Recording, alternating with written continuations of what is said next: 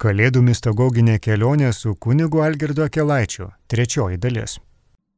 Iš Evangelijos pagal Luką antrojo skyrius. Ir kai suėjo apsivalymo dienos jų, pagal įstatymą Mozės užvedė jį aukštyn į Jeruzalę, pastatyti prieš viešpatį, kaip parašyta įstatymė viešpaties. Kiekvienas vyriškas, atveriantis iščias, bus pašvestas viešpačiui ir duoti auką pagal pasakymą viešpaties įstatymę porą purplelių arba du balandžių jauniklius. Ir štai žmogus buvo Jeruzalėje, kurio vardas Simeonas. Ir žmogus šitas teisus ir Dievo baimingas, laukiantis paguodos Izraelio. Ir dvasia šventoji buvo su juo. Ir buvo nurodyta jam dvasios šventosios kad jis neregės mirties, iki pamatys Kristų viešpaties. Ir atėjo toje dvasioje į šventyklą ir įnešant gimdytojams vaikelį Jėzų, kad su juo pasielgtų pagal paprotį įstatymu. Jis paėmė jį į glėbį, laimino Dievą ir sakė, Nunai atleidi vergą tavo valdovę pagal žodį tavo ramybėje, kadangi pamatė akis mano išgelbėjimą tavo, kurį paruošiai visų liaudžių akivaizdoje, šviesą atskleidimui tautoms ir garbę liaudės tavo, Izraelio. Ir stebėjosi tėvas jo ir motina jo dėl to, kas kalbama apie jį. Ir palaimino juos Simeonas ir pasakė į Mariją, motiną jo, štai, šitas dedamas parpuolimui ir pakilimui gausių Izraelyje ir ženklų prieštaravimu. Ir tavogi pačios gyvasti pervers kalavijas, kad būtų atidengti gausių širdžių svarstymai. Ir buvo Ana, pranašė, dukra Fanuelio iš giminės Asero. Ji buvo pažengusi dienose gausiose, pagyvenusi su vyru metus septynerius nuo mergystės jos. Ir ji našlė iki metų 84. Ji nesitraukė iš šventyklos, pasninkais ir maldomis tarnaudama naktį ir dieną. Ir ji tą valandą stojusi greta išpažino Dievą ir kalbėjo apie jį visiems, laukiantiems Jeruzalės atpirkimo. Įvykdė viską pagal įstatymą viešpaties, pargrįžo į Galilėją, į miestą savo Nazaretą. Vaikelisgi augo ir stiprėjo, darydamasis pilnas išminties ir malonė Dievo buvo su juo liturgiškai šiandien yra gana keista diena, todėl kad tenka rinktis, ką švesime. Iš tikrųjų, gruodžio 27 yra tokia nekilnojama liturginė šventė, kai minimas evangelistas Jonas. Ir vis dėlto šiais metais, gruodžio 27 supuola su sekmadieniu kuris jau negana to, kad pats savaime yra mažosios Velykos ir įprastai tiesiog nuneša visas kitas liturginės šventes, nes Velykos yra pati didžiausia mūsų metų liturginė iškilmė ir sekmadieniai eina iš karto po Velykų. Bet šis pirmasis Kalėdų sekmadienis yra įprastai švenčiamas kaip šventosios šeimos liturginė šventė. Ir todėl šį kartą evangelistas Jonas Jisai salituoja šventai šeimynai ir traukiasi iš mūsų liturginio kalendoriaus. Aišku, čia kyla klausimas, kaip šventinti vyną, nes paprastai e, evangelisto Jono dieną yra šventinamas vynas bažnyčioje. Ir aišku, kad na, nors ir tas tarsi liturginis minėjimas jisai traukiasi, bet Čia mūsų mistagoginiai kelioniai labai svarbu atkreipti dėmesį į tokią bažnyčios dinamiką, bet kaip jinai žengia. Yra vigilija, tada yra pirma kalėdų diena, kuri skiriama tiesiog vat, paties tarsi slėpinio šventimui, tada antrąją Kalėdų dieną bažnyčia iš karto stato tikėjimo bendruomenę kankinio Stepono akivaizdoje, sėdama Kristaus gimimą ir Stepono gimimą dangui ir taip akcentuodama šitą mokinio vienybę su Jėzumi. O trečiąją Velykų dieną bažnyčia stato tikėjimo bendruomenę evangelistų akivaizdoje. Ir čia ko gero irgi labai svarbus žingsnis, rodant, kad viena vertus mūsų mokinystė tai yra labai radikalus apsisprendimas tokiai ištikimai tiesiog sakramentiniai vienybei su mūsų mokytoju ir kita vertus, kad mūsų mokinystė tai yra, čia sakyčiau, kaip Koheleto knygos pabaigoje yra pasakyta, kad išminčius ieškojo gražių žodžių, atitinkamų žodžių tam, kad išreikštų savo svarstymus. Tai kad ir mes iš tikrųjų mokiniai Jėzaus esame evangelistai. Mes viena vertus įkūnijame Evangeliją savo gyvenimu ir kita vertus mes esame pati Evangelija šių dienų žmonijai. Tai čia šitas klausimas, vat, kad bažnyčia jau trečią dieną rodo mus kaip šito tik ką atrodytų gimusio kūdikio interpretuotojus, nes Evangelijos iš tiesų ir yra, na, toks labai pasvertas, labai strategiškai tarsi sustiguotas Jėzaus slėpinio interpretavimas, kuris yra persmeltas kvietimu apsispręsti už Jėzų Evangelijos nėra objektyvūs tekstai, jie nėra kažkokie tai atsijėti ar tarsi, na, tokie, na, tarsi mėginantis palikti žmogui laisvę. Ne, ne, Evangelijos yra labai aiškiai nukreiptos ir tiesiog sustiguotos taip, kad žmogus darytų apsisprendimą už Kristų šito slėpinio akivaizdoje.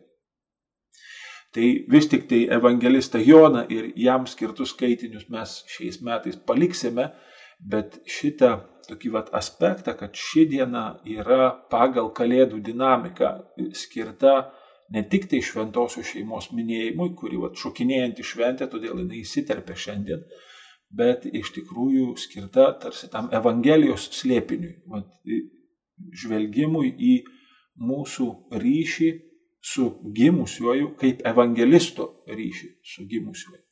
Pradedant kalbėti apie šitą Luko Evangelijos antrojo skyriaus ištrauką, reikėtų pasakyti, kad jinai tarsi tris kartus skaitoma šito kalėdiniu laikotarpiu. Vieną kartą jinai skaitoma šiandien, tada dar du šiokiadienius mes skaitysime vieną gabalą šitos Evangelijos, kuris susijęs su Simeonu, tada kitą dieną skaitysime Evangelijos gabalėlį, kuris susijęs su pranaše Ana ir tada dar per Jėzaus paukojimo šventykloje dieną yra skaitoma dar kartą šita pati Evangelija. Tarsi grįžtama į šitą patį liturginį įvykį ir aišku, kad kiekvieną kartą šitą Evangeliją skaitant, jinai tarsi vis kitų kampų sužimba, tarsi vis kito interpretacinio rakto prašosi.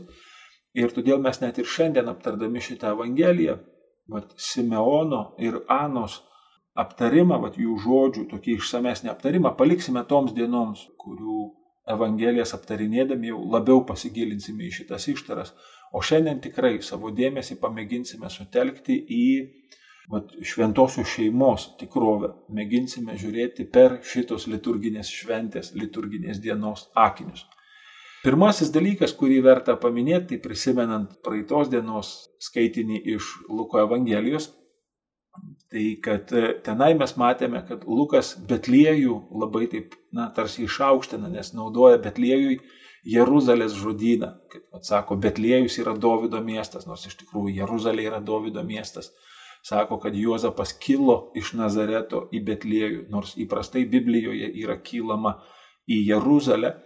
Ir dabar pagaliau šitoje Evangelijoje tarsi viskas grįžta į savo vietas, nes jie vis dar yra Betliejuje, ne, Jėzus gimė ir jie vis dar yra Betliejuje ir pagaliau Lukas sako, jie dabar kyla į Jeruzalę jau iš Betliejaus. Tai tarsi Jeruzaliai sugražinamas jos statusas ir tai yra labai gražu, kad iš tikrųjų, na, va, šita šeima, jinai pasirodo nuo pat pirmųjų šitų sakinių, nuo pat šitų pirmųjų veiksmų, mes taiga matome, kad Juozapas ir Marija ir aišku Jėzus kartu, jie labai ištikimai laikosi judaizmo papročių. Ir Luko Evangelijos, va tie vaikystės pasakojimai, vadinami tiek Jono, tiek Jėzaus, jie labai aiškiai pasižymi tokiu pozityviu žvilgsniu į judaizmą, į Mozės įstatymą, į viešpaties įstatymą. Ir šitas, vat, na, tokių apieigų ar nurodymų laikymasis rodomas labai entuziastingai, tai pozityviai, kad tai yra tai, ką ir turėtų šita šeima daryti. Ir na, tikrai, vat, Jėzus šia prasme yra toksai na, įstatymo įvykdytojas visoje Luko Evangelijoje.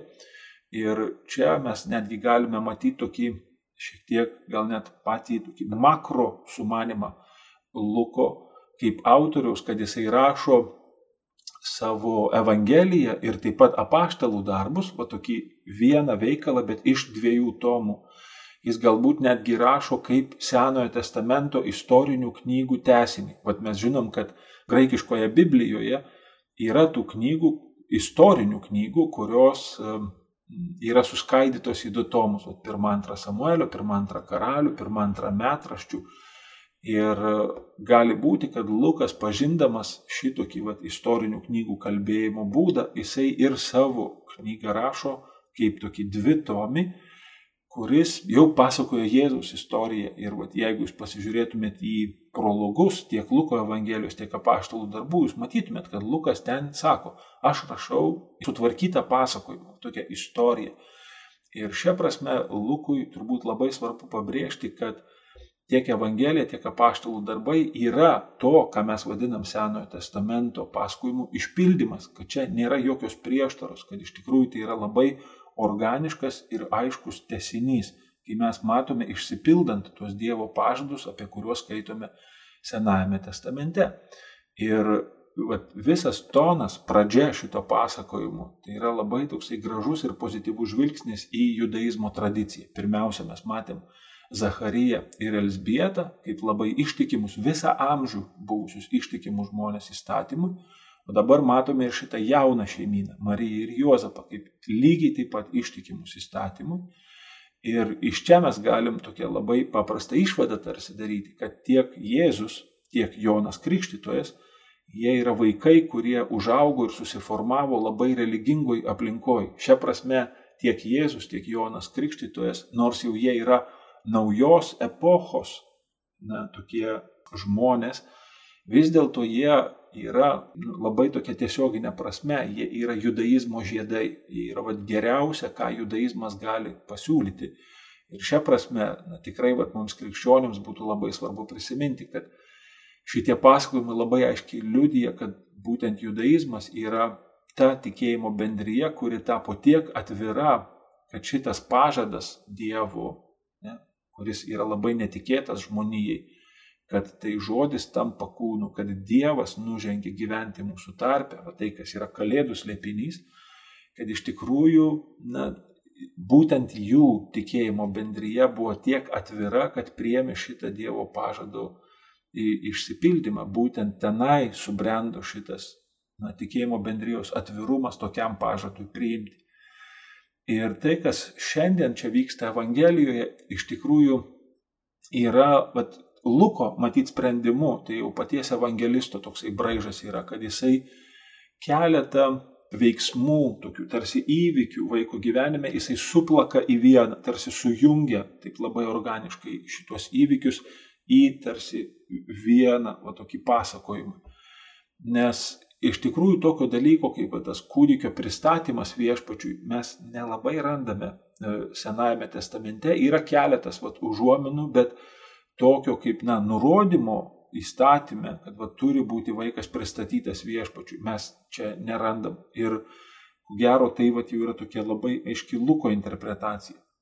Tada vėlgi tas vaiko vadinamas išpirkimas, todėl kad kiekvienas pirmagimis vyriškis, ne, reiškia, vat, kaip, kaip Lukas sako, kuris atveria iššis, reiškia tas, kuris pirmas gimsta iš moters vyriškos lyties pagal išėjimo knygos 13 skyrių, jisai priklauso viešpačiui. Jis yra pašvestas viešpačiui ir todėl, na, va, tas konsekravimas to vaiko viešpačiui yra na, būtinas tam, kad šeimos gyvenime pildytųsi kitų palikonių pažadas. Ir šitas vaikas jis visuomet priklauso viešpačiui ypatingų būdų ir todėl jį reikia iš viešpaties išpirkti, aukojant va tą išpirkimo auką. Bet dar vienas veiksmas, kuris irgi labai svarbus, kuris čia vyksta šiandien Evangelijoje, tai yra Jėzaus atpažinimas. Kad vėl, kaip mes ir kalbėjome apie tos išorinius liudytojus Luko Evangelijoje, taip ir čia. Iš tikrųjų, apie tai, kas ten yra daroma, kaip ten vyksta aukojimas, va tai, ką iš tikrųjų įstatymas nusako, nieko to šitoje Evangelijoje nėra. Tai labai lakoniškai paminima, kad jie atėjo tą padaryti ir kai tą padarė, jie išėjo. O visa šiandienos Evangelijos tokia medžiaga, vat, visas pasakojimas tai yra tai, ką išoriniai liudytojai vat, kalba apie Jėzų. Ir mes čia randam vos keletą užuominų apie šitos šeimos reakciją į tai, kas yra kalbama. Todėl čia svarbu ne tik, kad tai yra tas pristatymas, ne tik, kad tai yra va šitas išpirkimas to vaiko, aukojant šitą nurodytą įstatymę auką, kad tai yra ir jo atpažinimas bei interpretavimas šventykloje. Ir vėlgi dar, man atrodo, svarbu šitoj šventosios šeimos iškilmiai irgi tokį atsiminti įdomų labai Luko Evangelijos bruožą, kad Lukas labai mėgsta savo pasakojime gretinti vyrus ir moteris. Mat, pavyzdžiui, jeigu jūs prisimenate, jis pradeda savo pasakojimą nuo apreiškimo Zacharijui ir ten Aišku, kad tai yra apriškimas šeimai, nes galiausiai per Elsbietą gimsta Jonas, bet centrinė figūra ten yra Zacharijas. Ir kai pradedame kalbėti apie Jėzaus gimimo prieškimą, ten jau centrinė figūra yra Marija. Ir čia mes matom vyrišką figūrą, Zachariją ir tada moterišką figūrą, Marija. Arba Luko 15 skyriui irgi matome tenai kad tai yra vyras, kuris yra piemuo ir kuris pametė avį ir jos ieško, o po to ten yra moteris, kuri pametė drachmą ir, ir vėlgi tos drachmos ieško.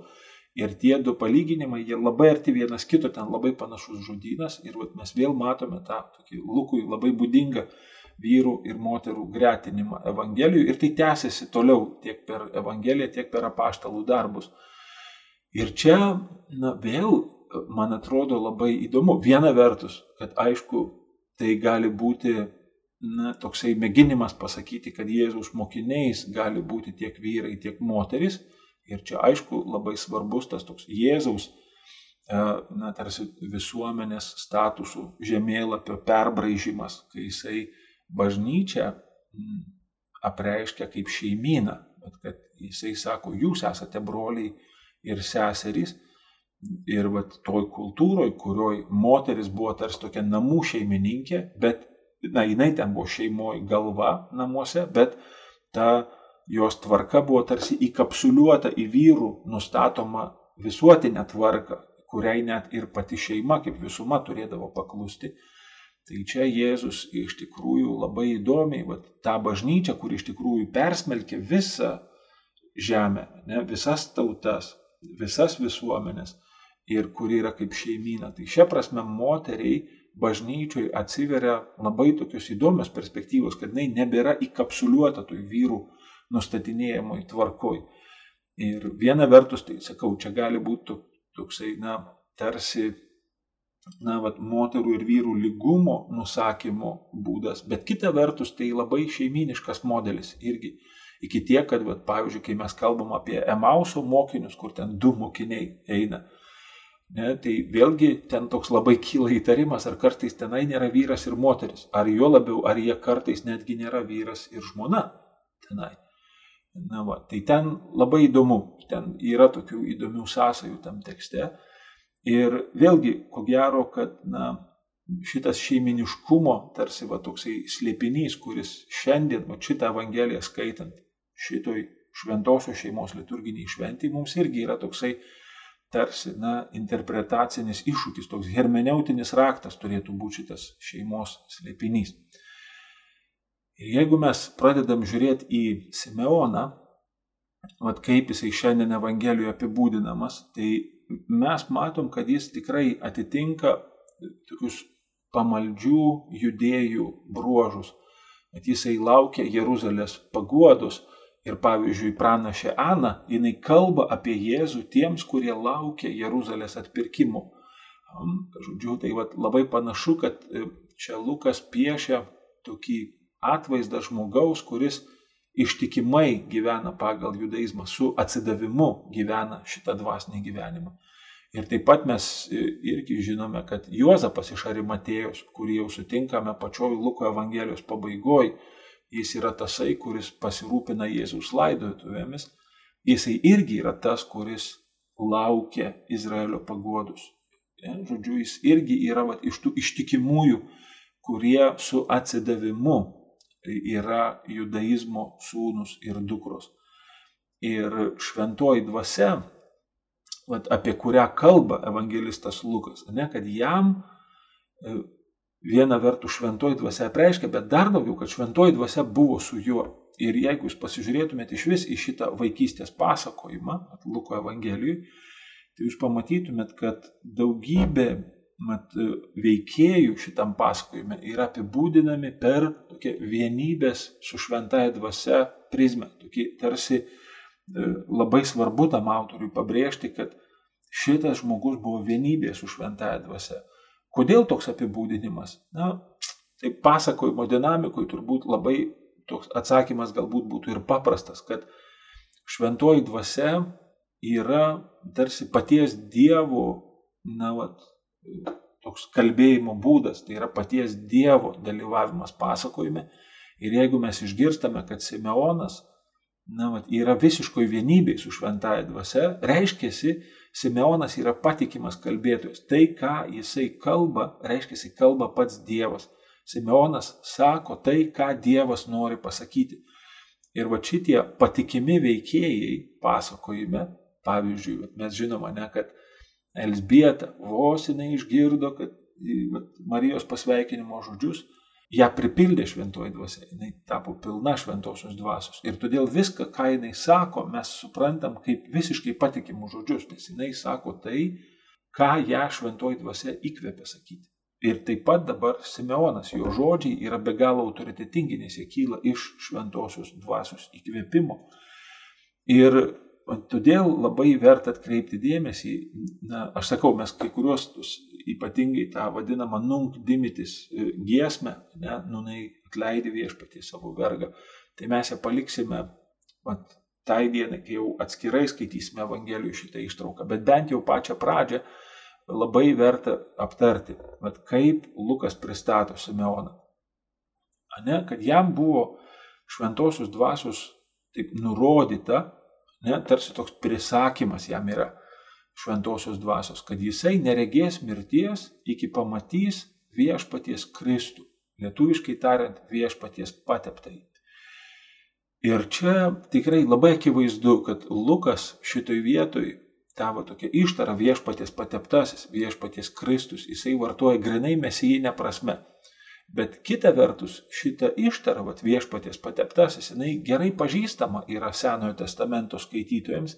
Ir ten, jeigu jūs pasižiūrėtumėte į 1 Samuelio knygą 24-26 skyrių, kur Dovydas ten galinėjasi su Saulium ne, ir jau tarsi Dovydas yra tas, kurį, na jau ir tauta priema, ir jau Saulis pats supranta, kad jo laikas ateina į pabaigą, bet ten Dovydas labai taip įdomiai jisai kalba, jam kelis kartus pasitaiko galimybė nužudyti Saulių ir vis dėlto jisai sako, kasgi išdrįstų pakelti ranką prieš viešpaties pateptą jį. Ir mes suprantame, kad mums tai padeda interpretuoti, ką reiškia šitas viešpaties Kristus, viešpaties pateptasis, net ir mesijinė prasme. Kad vis tik tai šitas titulas žymi išrinktumą. Šitas žmogus yra išrinktas ypatingai misijai ir kad jį išsirinko ne šiaip savo kas nors, tai ne žmonės, čia ne kokia demokratija, bet tai yra viešpaties išrinktasis ir reiškiasi, jeigu jisai tinkamai atsiliepia į šitą pašaukimą, tai per jį yra vykdoma Dievo valia, per jį yra vykdoma tai, ko Dievas nori. Ir vėlgi, man atrodo, čia tokia irgi labai svarbu pabrėžti tokia Luko kaip labai genialaus pasakotojo technika. Vat, žiūrėkit. Lukas sako 26 eilutė, ne, ir buvo nurodyta jam dvasios šventosios, kad jis neregės mirties iki pamatys Kristų viešpaties. Ir tada Lukas pradeda sakyti, ir vat jis toje dvasioje, kokioje dvasioje, na, va, toje dvasioje, kuri jam nurodė, kad jis prieš mirtį pamatys Kristų. Jisai ateina į šventyklą. Ir gimdytojams įnešant vaikelį Jėzų, hmm, kad su juo pasieltų taip, kaip nereikalauja įstatymas. Žodžiu, Simeonas ima šitą vaikelį į glėbį ir pradeda apie jį kalbėti. Niekur Simeonas nepasako apie šitą vaikelį, kad jis yra pateptasis, kad jis yra Kristus. Nesako šito žodžio, neištarė šito žodžio Simeonas. Bet skaitytojas, jisai labai aiškiai supranta, kad čia yra labai artima jungtis ir kad tai, kas buvo jam pasakyta dvasios dabar pildosi. Tai Lukas jisai ne vieną ir ne du kartus Evangelijoje šitaip meistriškai įtraukia patį skaitytoją į pasakojimo veiksmą. Ta prasme, kad tai mes, skaitytojai, esame tie, kurie padarome sąsąją tarp va, to šventosios dvasios nurodymo e, Simonui, kad jisai pamatys Kristų ir tarp to, ką Simeonas pamato ir kaip jisai elgesi. Simeonas niekur pats nepasako, kad jis pamatė Kristų. Ir vis dėlto skaitytojas, jisai labai aiškiai supranta, kad tai čia yra tas Kristus, tai va čia, štai. Ir pats skaitytojas tampa interpretuotoju. Tai man čia labai toksai gražus, tarsi, na, vat, to šiek tiek apleisto evangelisto Jono, e, va toks šūksnis tarsi iš už kulisų ne, kad skaitytojau, žiūrėk, tu esi evangelistas, o štai tu rašai arba netgi pasakoji šitą pasakojimą, nes tai tu padarai šitą sąsąją, kad čia yra Kristus. Simeonas ima šitą vaiką ir jis interpretuoja Kristaus liepinį, aiškiai taip ir nepasakydamas, kad čia yra Kristus, bet tai tu skaitytojau padarai šitą, o tokį pasitikėjimo, o drauge labai kūrybinį žingsnį sutapatindamas tai, kas buvo pasakyta šventosios dvasios ir tai, kaip dabar Simeonas elgėsi su šito vaikeliu. Va, ir šią prasme mes esame tie, kurie atpažįstame Kristų. Mes esame tie, kurie šitam vaikelėje atpažįstame šitą Dievo pateptąjį. Labai taip meistriškai, tarsi Lukas sužaidžia mūsų vaizduotę, mūsų gebėjimų skaityti šitą tekstą. Ir dar labai gražus dalykas apie Simeoną, kad jisai save supranta kaip tam tikrą sargą, va tokį tarsi stebėtoją, va tas, kuris sergi, laukdamas, ne, kol jis pamatys tai, ką jam yra skirta pamatyti. Ir jo tarnyba buvo laukti Kristaus. Ir iš šitos ištaros, vat, ką sako Lukas apie jį, tai yra aišku, kad tai yra jo gyvenimo užduotis. Kai jisai pamatys Kristų, jisai mirs. Mm, tai čia vėl kartais mes taip galvojam, kad, nu, žinai, čia, nu, neduok dievę tokios užduoties, ne, kurią padarėjai ir jau turėsi mirti. Mes kartais tą mirtį tokia trupučiuką suprantam kaip, na, kaip bausmę. Bet iš tikrųjų čia galime žiūrėti net ir panašiai kaip į Jono Krikštitojo misiją. O Jono Krikštitojo misija buvo paruošti tautą. Ir jeigu jisai šitą savo misiją įvykdo, tai jisai įvykdė savo gyvenimo užduotį. Panašiai Augustinas interpretuoja savo motinos gyvenimą, sakydamas, kad na, va, aš, aš suprantu, kad jos viso gyvenimo užduotis tai buvo išmelsti man atsivertimą. Ir kai jinai pagaliau šitą įvykdė, viešpats ją pasėmė pas save, nes jinai įvykdė savo gyvenimo užduotį. Ir va, tai, apie ką kalba Simeonas, sakydamas dabar tu viešpatė atleidi savo vergą, Tai jisai kalba apie va, tą užduoties įvykdymą, bet užduoties, kuri apima visą gyvenimą. Ir čia vėl, man atrodo, labai netgi įdomu mąstyti ir svarstyti tada apie, va, nu, apie tokias ištaras, sakykime, mūsų gyvenimo kontekste, va, kas galėtų būti mūsų gyvenimo tarsi visa užduotis, kurią vienai par kitaip įvykdžius viešpats galės mus pagaliau pasišaukti. Ir mums iš tikrųjų šitie dalykai yra labai gilus slėpinys, ypatingai mes tada, kai reaguojame tokias na, netikėtas mirtis, kurios netgi nelabai priklauso nuo žmogaus, nuo tokio žmogiško veiksnio. Ar kartais lygos, ar ten kokios nelaimės, ar dar kažkas, tai tie tokie nutrūkę gyvenimai nelaiku, arba vat, kad ir ta pandemija, kuri šiuo metu siautė ir irgi tiesiog skina žmonių gyvybės, mes iš tikrųjų dažnai labai suprantam šitas mirtis kaip praradimą. Ir vis dėlto čia Evangelijoje mes randam tokį labai alternatyvų požiūrį, tokį tarsi, kuris visai eina paraleliai arba netgi kitoj plotmėjai su tuo tokiu mūsų tarsi besąlygišku vertinimu gyvenimu, kad jis yra absoliuti vertybė ir kad mirtis nu, yra tikrai va, tokia labai netektis. Ir vis tik tai Simeonas užbaigė šitą savo gyvenimą labai pozityviai, kad jisai užbaigė jį tokiu pilnatvį. Kodėl? Nes jisai atpažino savo pašaukimą ir jisai dabar žino, kad tas pašaukimas yra įvykdytas. Ir vėlgi, kas galėtų imtis teikti, kad tie žmonės, kurie miršta nelaiku, kad jie nėra viešpaties pašaukti ir kad jie nėra įvykdę to, kam viešpats juos šaukia. Bet vat, ta tokia beprasmybė, kai mes šitų dalykų nesuprantam, ir nesugebam atpažinti, nes čia iš viso iš šono šitos dalykus atpažinti yra iš vis be šansų, mus tai labai dažnai skaudina. Ir mes dažnai iš tikrųjų net ir nusiviliam tada kartais sakydami, kad nu čia Dievas iš vis pasitraukęs iš šitų dalykų yra ir jeigu Dievas kažkaip atkreiptų dėmesį, tai tokie dalykai nevyktų. Bet va, tai, ką mes matom Simeono atveju, tai kad jisai sako, aš mirštu, bet tai yra grinai Dievo veiksmas, nes aš suprantu, kodėl ir aš išeinu tokio visiškai pilnatvį, nes aš įvykdžiau tai, ką aš turėjau, na, tarsi padaryti. Tai daug kur Biblijoje mes randam tokius aprašymus tų mirčių, pavyzdžiui, Abraomas, jisai sotus dienomis numerį, žodžiu, irgi tarsi va tokioj pilnatvį, nes tai, kas buvo jo pagrindinis gyvenimo uždavinys, tarsi ir yra įvykę. Na va, ir čia, tai pabaigai turbūt reikėtų irgi pasakyti, kad tiek Simeonas, taip labai įdomiai, tiek Marija apibūdina save tuo pačiu žodžiu. Vat, e, Simeonas sako apie save graikišką žodį dūlos ir Marija, jinai sako moterišką giminę dūlė. Vat, e, Marija apie save sako, aš esu vergė, o e, Simeonas sako, aš esu vergas.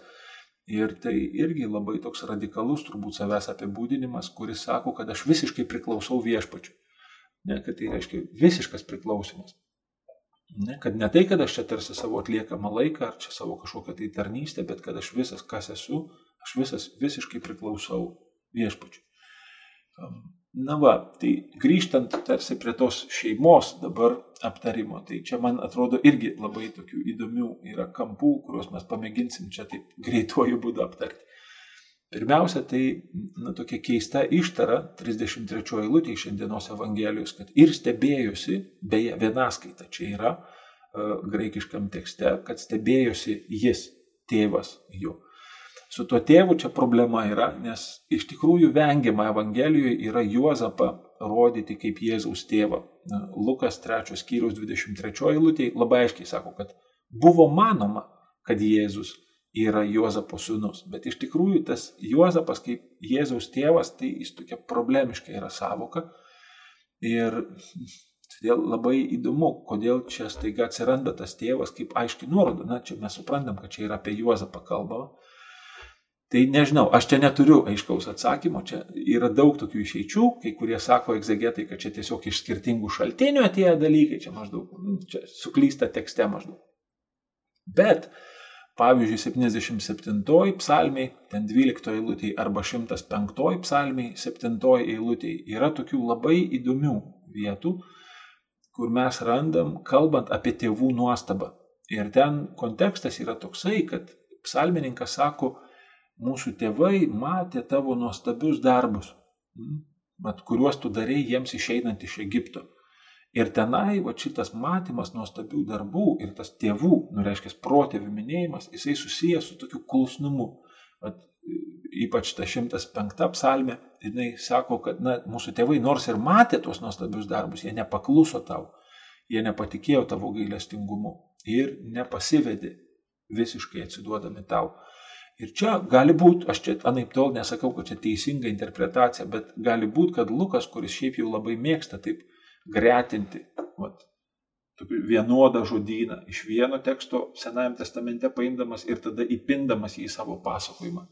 Gali būti, kad jis ir čia netgi rodo pirmiausiai tai Juozapo ir Marijos vienybė, o kita vertus, kad per Juozapą jisai rodo, kad šita šeima, tarsi kaip naujasis Izraelis, jie atsiliepia ta tokia labai pozityvia nuostaba į tai, ką Dievas apreiškia apie šitą kūdikį ir jie atsiliepia kitaip negu tie tėvai dykumoje, jie atsiliepia klusnumu. Ir vėlgi šita vienybė irgi labai sužimba pačioj šitos Evangelijos pradžioj, irgi tokiu keistu būdu, nes sako, kai suėjo apsivalymo dienos jų, ne, kad kalba tarsi evangelistas apie jų apsivalymo dienas. Šiaip jau apsivalymas būdavo įsakytas tik tai moteriai, o čia Lukas kalba daugiskaitą ir čia nelabai aišku, ar jis kalba apie Mariją ir Jėzų, ar iš tikrųjų apie Mariją ir Juozapą. Ir čia vėlgi, na, matyti taip labai gražiai Lukas sieja Mariją ir Juozapą, rodydamas, kad na, va, tai, kas galiojo Marijai kaip įstatymo nuostata, vis tik tai lietė ir Juozapą arba netgi ir Jėzų, kad vis tik tai ta tokia šeimos vienybė, to, iš tikrųjų tai yra Evangelijos problemos, tai yra tokios labai keistos vietos, kurių mes iki šiol nelabai žinom, kaip interpretuoti, bet na, vat, mūsų tarsi tokio liturginiai šventiai, tai tampa tokiam labai įdomiom ištarom, kurios tarsi pabrėžia šitą šeiminiškumą ir šitos trijulės tokia šeiminiška vienybė. Ir dar turbūt reikėtų, na, va taip tarsi peršokant trupučiuką, nes mes tikrai kai kuriuos gabalus paliksim čia kitoms dienoms. E, bet vat, dar šiandien būtų nebloga proga šiek tiek žvilgterėti į tą kalaviją, apie kurį kalba Simeonas Marijai. Um, labai dažnai šitas kalavijas yra interpretuojamas kaip, na, mat, tokia tarsi ta sopulingoji um, motina, kuri stovi po kryžium, kur tas skausmo kalavijas pervers Marijos širdį tai va ta tokia mater dolorosa, kuris stovi po kryžiumi. Bet čia vėl yra problemų su tokia interpretacija, nes iš tikrųjų Luko Evangelijoje Marija nėra parodoma po kryžium, tai yra Jono Evangelijos mm, na, va, teksto dalis. O Luko Evangelijoje Marijos netgi nėra tarptų moterų, kurios seka Jėzų kaip mokinės. Ir todėl, na, va taip jeigu jau mes taip ištikimai, egzegetiškai eitume mėgindami interpretuoti šitą tekstą, tai čia ir dar daugiau tų tokių interpretacijų šito kalavijo atkrinta, nes jų tiesiog nerandame pačiam Luko tekste, na tarsi nerandame tokios na, interpretacinio rakto pačioj, pačioj Luko Evangelijoje arba paštalų darbuose. Pavyzdžiui, yra tokia interpretacija, kad šitas kalavijas tai yra atmetimas, kurį patirs Jėzus ir kadangi jį patirs Jėzus, tai Marija, kur yra vienybėje su Jėzumi, ją irgi šitai sužeis. Arba kad tai yra abejonės kalavijas, ne, kad Marijai irgi sunku bus patikėti Jėzumi, ypatingai jo kančios metu, ir va, todėl tai bus abejonės kalavijas. Arba kad tai yra toks nelegitimumo, va, rykštė tokia kalavijas, ne, kad Jėzui bus priekaištaujama, dėl jo, na, va, tokios neteis, neteisingo gimimo, ne, kad Marija reiškia kažkur buvo neskaisti, neištikima Juozapui ir iš to gimė Jėzus ir kad tai žais Mariją kaip tą, kuri būdama tyriausia mergelė priemė iš šventosios dvasios šitą pažadą ir po to iš to bus tyčiojamasi kažkaip labai vulgariai. Arba, kad galiausiai tai yra toks prieštaros su gyvate kalavijas, ne, kad čia interpretuojant tą vadinamą proto evangeliją iš pradžios knygos trečiojo skyriaus, kad moters palikonis ne, su, sutraiškis gyvatį į galvą, o gyvatė kirs tam palikoniui į kulną. Tai vad, kad ir čia Marija rodoma kaip ta motina, kuri bus irgi sužeista šitos mirtinos kovos, kur šitą paskutiniai tarsi akistatui šitas palikonys ir ta gyvatė nužudys vienas kitą. Visa, visi, visos šitos interpretacijos yra už Luko Evangelijos ribų. Ir, na, aišku, jos įmanomos, kaip ir viskas yra įmanoma, bet e, įdomu, šiaip, taip jeigu mėginant Luko Evangelijos rėmose likti, tai e, iš tikrųjų Senajame testamente kalavijas yra toks dažniausiai atskirimo um, simbolis, žodžiu, arba perverimo, arba perskirimo simbolis. Ir labai gali būti, kad čia Simeono pranašystėje Jėzus rodomas kaip tas, kuris perskirs Izraelį. Va čia Luko Evangelijos tekstas labai gražiai sužimba, ne, nes jisai sako, šitas yra skirtas daugelio Izraeliui parpolimui ir kartu daugelio pakilimui. Tai va čia gali būti, kad iš tikrųjų tas kalavijas simbolizuoja tą Izraelio perskirimą, perverimą. Ir čia gali būti, kad Marija yra rodoma kaip tikrai, va, na, tokioj visiškoj vienybei su Izraeliu, kad jinai netgi tampa tokia šiek tiek Izraelio personifikacija, kad Jėzus iš tikrųjų, kuris tampa nesutarimo šaltiniu net ir šeimose, ne, vat, kad jisai supriešina net tėvą su vaikais, ne, arba brolį su broliu, žodžiu, kad tam tikrą prasme šitas atstumas netgi šeimoji, jisai, nors Lukas kaip ir labiausiai sumažina iš visų sinoptikų šitą atstumą, bet vis tiek jisai yra, va ten aštuntam skyriui, kur Jėzus klausia, ne, o kas yra mano motina ir rodydamas į savo mokinius tarsi, nors ten yra irgi įdomybių, kad jis gal iš tikrųjų labai pozityviai rodo iš tikrųjų Mariją, bet jisai sako, kad jūs esate mano motina. Mm. Ir tada vėlgi tas 11 skyrius palaiminimas, kuris jis sako, dar labiau palaiminti tie, kurie, ne, ne, negu tos krūtis ir tos iššios, kurios mane žindė ir kur, kurios nešiojo, dar labiau palaiminti tie, kurie vykdo mano tėvo valią. Žodžiu, tai čia tas atstumas, vat, tarsi net pačioj šeimoje, ne, yra vat, net ir Luko Evangelijoje ir čia gali būti, kad Marija kaip tokiu vienybei su Izraeliu, joje irgi vyksta šitas atskirimas. Net tarsi vat, yra dalis, kuri parpuola ir dalis, kuri pakyla, kad net ir Marijoje šita drama mokinystės jinai reiškėsi. Ir galiausiai, matyt, kalbant apie patį Jėzų, kaip jisai šitam tekste, na, tarsi apibūdintas, parodytas, tai čia irgi yra tokių labai tarsi gražių ištarų, kurias verta šiandien šventosios šeimos šventėje paminėti. E, pačioj pabaigoje Evangelijos apie Jėzų yra sakoma, kad vaikelis augo ir stiprėjo. Lygiai taip pat Lukas kalba apie Joną Krikštytoją. Pirmos kiriaus 80 eilutėje jisai apie Joną Krikštytoją sako, vaikelis augo ir stiprėjo. Ir čia ko gero labai aiškiai Lukas rodo, kad šitie du, tiek Jonas Krikštytojas, tiek Jėzus, jie ruošiasi savo viešai tarnystį. Tai šitas pasakymas jisai yra toks kreipimasis į skaitytoją, skaitytojų pasiruošimas eina į pabaigą, ruoškis sutikti Jėzų savo viešojoj tarnystėje. Ir tai mums netgi va tokioj kalėdų dinamikoje yra labai tai gražu, nes bažnyčia akivaizdžiai per šitos tekstus, jinai sako bažnyčiai, ne, mokiniams Jėzus, neužsisėdėkit, Neužsisėdėkit prie prakartėlės, nes Jėzus labai sparčiai auga, Jėzus labai sparčiai bręsta šitomis dienomis ir mes jau toj pat jį matysime suaugusi, kviečianti paskui save mokinius, taip kaip vat, mes jį matom suaugusi šitų liturginių švenčių metu, ne, kad jis yra tas, dėl kurio Steponui verta paukoti savo gyvenimą. Jis yra tas, dėl kurio evangelistui Jonui verta visą savo gyvenimą tarsi atiduoti evangelisto tarnystį. Ir jis galiausiai yra tas, kuris šitą šeimyną padaro šventą. Ne dėl to, kad jis kaip kūdikis tarsi pašventina šitą, bet dėl to, kas jis yra jau visoji savo viešoji tarnystė, o ypatingai savo kančioj, mirtį ir prisikėlime.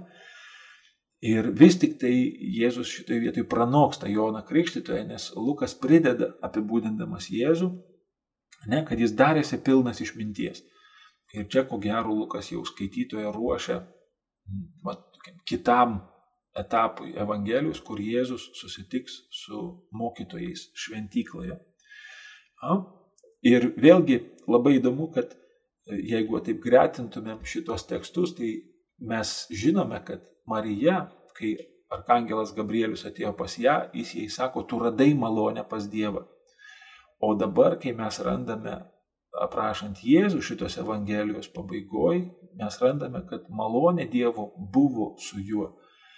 Na va, ir čia vėl labai įdomu, va taip lyginant Mariją ir Jėzų, kad Marija yra ta, kuri rado malonę, o Jėzus yra tas, su kuriuo malonė jau buvo. Ir šią prasme čia mes galim rasti tokias turbūt ankstyvasias kristologijos užuomasgas kai mes matom, kad na, nepaisant savo mažumo, vis tik tai Jėzus pagal savo prigimtį, jisai pranoksta Mariją, jis yra tas, kuris yra malonėje visiškai. O Marija yra ta, kuri malonėje yra, kaip sakykime, iš malonės. Žodžiu, jai šita malonė yra padovanota, o Jėzus šitoje malonėje yra pagal savo prigimtį. Ir vėlgi dar vienas labai toks įdomus bruožas šitoje Evangelijoje, kad Kai pavyzdžiui Simeonas kalba apie Mariją, jis tam tikrą prasme apsako Marijos na, gyvenimą taip, kaip, kaip visumą. Šią prasme, na, netgi taip nusakydamas net ir Marijos gyvenimo tarsi pabaigą. O tai, kaip kalba apie Jėzų, tai yra kalbėjimas apie Jėzaus pradžią. Ir va čia, man atrodo, irgi labai graži ta Jono Krikštitojo ištara, kai jisai sako, na, va, jam skirta aukti, o man mažėti. Ir tikrai šią prasme visi tie žmonės, kurie va čia sukasi aplink Jėzų tuose vaikystės pasakojimuose, jie yra tarsi na, tokie palyda, jie yra tie, kurie imasi tos Jėzaus globos, bet galiausiai jis tiek juos visus pranoks, kaip ten Mačernis sako savo eilėraščiuose, ne, kaip, kaip aukštas medis pranoko gyrioje kitus medžius. Na va, ir čia ir bažnyčia, jinai irgi puikiai supranta šitą savo tokią tarnystę, kad tarsi jinai pasilenkia kaip globėja prie gimusio Jėzaus su švelnumu, bet čia pat jinai yra pasiruošusi su visišku klusnumu atsiduoti šitam mokytojui, vedliui ir atpirkėjui, nes jisai yra viešpats. Tai va šita dinamika šituose pasakojimuose, jinai irgi labai gražiai taip skleidžiasi. Ir beje, labai greitai jinai skleidžiasi, čia reikia tokio atidaus skaitimo, kad tarsi užčiuoptumėm šitos pasakojimo niuansus. Na, va, ir galiausiai pabaigai, jeigu tai pamėgintumėm šiek tiek aptarti, na, va, kaip čia dabar su ta šventa šeima šiandien, na, va, o ką, o ką mes kaip šiandienos bažnyčia va, turėtumėm daryti su šita šventosios šeimos švente. Tai viena vertus, aišku, yra tas tikrai va, vadinamas Nazareto slėpinys, tas tylusis gyvenimas maždaug iki 30 metų, kai mes matome po to jau vėliau Jėzaus viešojoje tarnystėje tokius labai įdomius ženklus. Um, kad pavyzdžiui, na, vat, yra tokių egzegetų ir čia vienas iš jų, kurie mėgsta sakyti, jog um, tie tokie palyginimai apie namų ūkio tarsi vat, darbus, ten užsiemimus, kad jie iš tikrųjų Jėzui yra įstrigę iš vaikystės. Mat jis matė Mariją ten, minkant tešlą, arba ten šluojant namus, arba dar kažką. Ir jam tie šeimos tokie įvaizdžiai po to vėliau jau jo tarnystėje tampa, na, tarsi tokia medžiaga, tarsi tokiu kraičiu, iš kurio jisai po to semia, e, gretindamas ir na, tikrai iš šventosios dvasios, tarsi priimdamas va, tą apreiškimą apie Dievo karalystę, jisai mėgina tai išreikšti savo patirtimi, va tai, ką jis yra patyręs, tai, kame jis augo, būdamas šeimos narys. Ir kita vertus, vėlgi, mes tikrai jokių būdų šitoj iškilmiai negalim pamiršti, kad tai mes esame šventoji šeima. Jėzus apie mus yra pasakęs, jūs esate mano broliai, jūs esate mano seserys, jūs esate mano motinos. Mm, tai čia vėlgi, na, taip, šių dienų bažnyčiai turbūt labai reikšmingi yra popiežiaus žodžiai, va, bažnyčia Europoje, kai jisai na taip gana liūdnai ir aš sakyčiau net ir sarkastiškai šiek tiek kalba apie Europą kaip apie tokią seną, labai išmintingą, bet na, tam tikrą prasme savo vaisingumą praradusią moterį. Ne, kad joje to veržlumo, tos tokios jaunatvės stinga. Ir čia man atrodo labai reikšminga, kad mes Evangelijoje va, tuose vaikystės pasakojimuose mes sutinkame labai daug senų žmonių. Ne, Elsbieta, Zacharijas, Simeonas, Anna. Tai yra seni žmonės, tai yra sena tradicija, kuri vis dėlto turi savy tiek daug jėgos, jinai turi tiek daug savy gyvybės, atrasti tinkamus žodžius, atrasti tinkamą laikyseną Dievo akivaizdoje, kad per jų man, tokius apsisprendimus ir veiksmus išsiskleistų šitie judaizmo žiedai. Tokios atžalos. Tai kažkada čia, čia nenaujas pasakymas, bet man jisai suskambėjo, Irena Vaišvilaitė kažkada pasakė, man sako, sena šaknis išleido naują uglį. Man tai taip yra kažkaip gražu galvoti apie, pavyzdžiui, tas senas Lietuvos parapijas, ne, kuriuose ten skaičiuoja, nežinau, penktą amžių savo ir kad tai yra labai senos bendruomenės ir vis dėlto juose glūdi labai daug jėgos, tokios evangelinės jėgos, kurią mes matome, pavyzdžiui, ir šituose pasakojimuose besiskleidžiant. Ir vis dėlto tai niekuo nesusilpnina tos kartų krizės, bažnyčioje, nes iš tikrųjų tai, kas čia vyksta Evangelijoje, tai yra kartų kalbėjimasis. Ne, tai yra vat, jauna šeima, jinai susitinka ir, ir klausosi, ne, vat, į ją prabyla tos senosios kartos ir vis dėlto šita šeimyna kažkaip labai atvirai priema tai, ką jai tos senos kartos šneka ir ką jos sako. Tai čia vėlgi, man atrodo, labai svarbu mums prisiminti, kad tai buvo viena iš pagrindinių popiežiaus temų, kai jis buvo atvažiavęs į Lietuvą. Jis labai daug kalbėjo įvairioms grupėms. Jis kalbėjo jaunimui, jis tą kalbėjo vat, kunigams ir vienuoliams, jis tą kalbėjo valdžios žmonėms, jisai tą kalbėjo galiausiai mišių metu. Žodžiu, mums labai svarbu siekti šito susikalbėjimo tarpusavėje, tarp kartų bažnyčioje. Iš tikrųjų mes galime ir privalome mokytis ir klausyti, ir prabilti. Tai, kas yra tos esminės pokalbio dalys. Ir aišku, na, vat, šeima šią prasme yra tokia unikali vieta, kur kartos tam tikrą prasme yra priverstos atrasti na, tą pokalbio tokią kultūrą, nes jos yra apribotos šeima.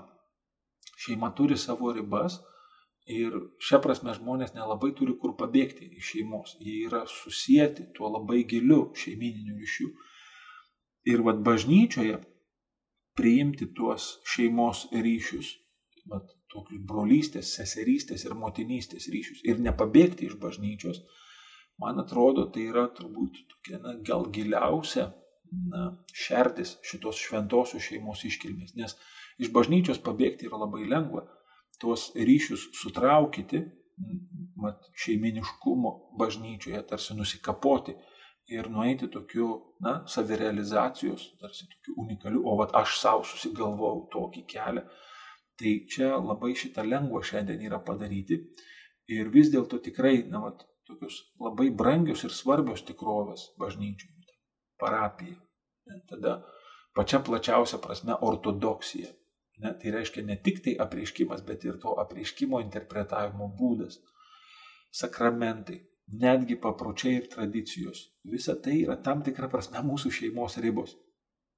Ir va ten, na, nežinau, aš, aš matau iš tikrųjų kaip teologas tokį šiek tiek, na, net nusivylimą tą katalikybę, pavyzdžiui, sakykime, čia dabar toksai naujas vajus, ne, vat, mesijiniai žydai, ne, vat, o, o, tai va čia tai kažkas tai, žinai, šviežia. Mm, bet iš tikrųjų tai yra mėginimas tarsi trinti ribas tarp šeimynų. Vat, tai, kas yra iš tikrųjų šeimynos ribos. Ir kas ten po to galiausiai baigėsi tokiom ne, ne visai skaniom profanacijom. Ir, na, tikrai, man atrodo, kad čia vat, kažkaip su tokia šiek tiek ramybė ir netgi atidumu priimti tas šeimos ribas, į kurias mes esame įvesdinti per krikštą. Ir iš tikrųjų, na, vat, mums, pavyzdžiui, Romoje tai taip sakydavo, sakydavo, jūs susigrumkite su tekstu, nepabėkite per anksti iš tekstų į kažkokius ten komentarus ar į kitų žmonių nuomonės. Pamėginkite kažkaip tai susigrumti su to teksto sunkumais Tai man atrodo, čia vat ir ta popiežiaus mintis buvo labai panašiai, kad na, ne, nebėkite į kitas šeiminas. Jūs esate krikščionys, jūs esate Kristaus mokiniai šitoj vietoj, šito laikotarpiu. Ir pamėginkite čia susigrumti su tais iššūkiais ir ieškoti pagalbos tarpusavyje, nes jūs turite galimybę vienas kitam padėti. Senieji jūs turite išminties, jaunieji jūs turite ryšto, bet jūs turėtumėte ieškoti bendro kelio taip, kad vieni nenulėktumėte į priekį palikdami kitus, arba kiti nemėgintumėte stoviniuoti vietoje ir aiškinti, kokie kvaili tie, kurie nustraksėjo kažkur tai pirmin vedami savo jauno kraujo karščio. Na, va, tai čia, man atrodo, apie šitas ribas kalbant, taip irgi labai reikšmingai sužimba net ir Lietuvoje. O tas toks naujas Marijos litanijos titulas, ta tokia liaupsė, ne, kad jinai yra migrantų priebėga kad čia mes irgi kartais tie ištikimieji bažnyčiai nepradėtumėm kritikuoti ir aiškinti, kokie čia tie blogi, kurie iš tos bažnyčios pasitraukia. Iš tikrųjų, ne, mums, ne mūsų nosiai yra įvertinti tų žmonių iššūkius, problemas, baimės, kurie, kurios pastumėja žmonės vieniems ar kitiems žingsniams. Ir va čia tas mūsų šeiminiškumas, jis kaip ir šeimoji, iš tikrųjų jis yra tam tikrą prasme besąlygiškas, kad mes liekame ištikimi tiems, kurie su kuriais esame suvienyti krikštu. Nesvarbu, ar jie ten, nežinau, būtų vienokie ar kitokie. Tai yra labai šeiminiškas kreipinys į Mariją, va ta migrantų priebėga bažnytiškumo ribose. Ir tada, aišku, Juozapas, kuris irgi mums Lietuvoje šiuo metu tai yra toks pandemijos bendražygis. Žodžiu, va, tas, į kurį mes irgi kreipiamės kaip į tokį vyrą, ne, kuris irgi turi tokios išminties, kaip atrasti kelią savo šeimynai, ne, iki Egipto, tada grįžti atgal, tada čia esant sudėtingai situacijai vėl kažkaip tai susiorientuoti, kaip tai šeimynai bus geriausiai šitose sudėtingose sąlygose išlikti. Tai tikrai būkime, o drauge glauskimės prie šventosios šeiminos slėpinio ir šią dieną, švesdami sekmadienį, švesdami Kristaus prisikėlimo slėpinį ir drauge, tai na, tokie liturginio atidumo akim, akies krašteliu, žvelgdami evangelistą Joną, kuris irgi yra džiugiosios naujienos skelbėjas ir drauge formuotojas, kviesdamas ir mus, evangelistais, tapti mūsų dienomis. Garbė Jėzui Kristui. Į Kalėdų mistagoginę kelionę kartu ėjome su kunigu Algerdo Kelaičiu.